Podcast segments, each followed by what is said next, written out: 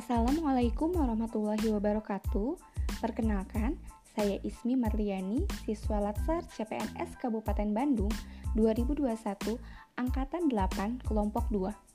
Sehari-hari, saya bekerja di RSUD Soreang sebagai tenaga pelaksana bidan. Podcast ini dibuat sebagai salah satu tugas individu mengenai nilai-nilai kebangsaan dan bela negara saya memilih video kedua tentang perjuangan seorang dokter yang memberikan pengobatan di daerah terpencil. Sebelum itu, mari kita simak video berikut. Menyusuri jalan setapak, berjalan dari rumah ke rumah di pelosok.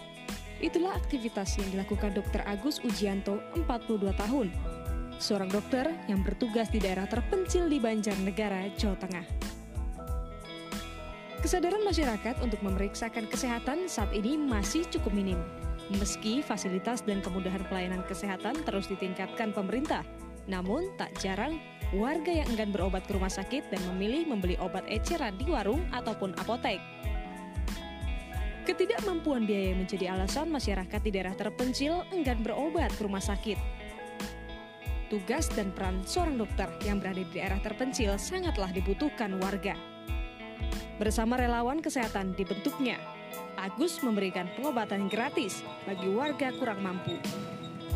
Keliling dari desa ke desa ia lakukan usai menjalankan tugasnya sebagai dokter bedah di Rumah Sakit Islam Banjarnegara. Warga miskin yang kadang tak memiliki biaya pun merasa sangat terbantu dengan peran relawan kesehatan kawan uji. Di dalam video tersebut dapat kita lihat bahwa Dr. Agus mempunyai sikap-sikap bela negara beliau telah memberikan kontribusi pada kemajuan bangsa dan negara.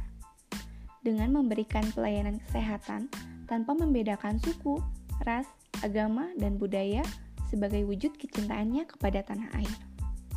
Bersedia mengorbankan waktu, tenaga, dan pikirannya agar setiap orang mendapatkan pelayanan kesehatan. Meskipun saat ini akses untuk mendapatkan pelayanan kesehatan terus ditingkatkan, namun, masih banyak masyarakat yang enggan berobat ke fasilitas kesehatan. Hal itu dikarenakan kurangnya kesadaran dan tingkat perekonomian yang rendah sehingga masyarakat lebih memilih membeli obat di warung atau di apotik. Rumitnya birokrasi juga menjadi salah satu alasan masyarakat enggan melakukan pemeriksaan di fasilitas kesehatan. Setelah menganalisis video tersebut, saya sebagai ASN, khususnya tenaga kesehatan, akan ikut berkontribusi dalam pembangunan negara, khususnya di bidang kesehatan.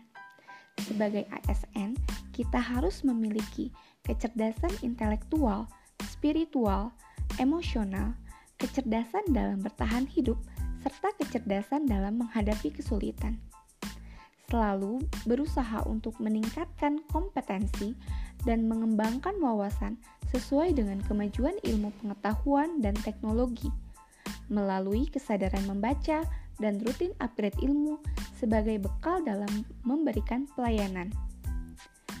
Menjaga tubuh agar tetap fit dengan cara rutin berolahraga dan mengkonsumsi makanan yang sehat. Hal tersebut merupakan kemampuan awal untuk bela negara.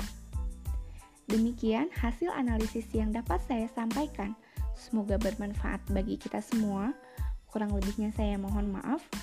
Wabillahi taufiq wal hidayah. Assalamualaikum warahmatullahi wabarakatuh.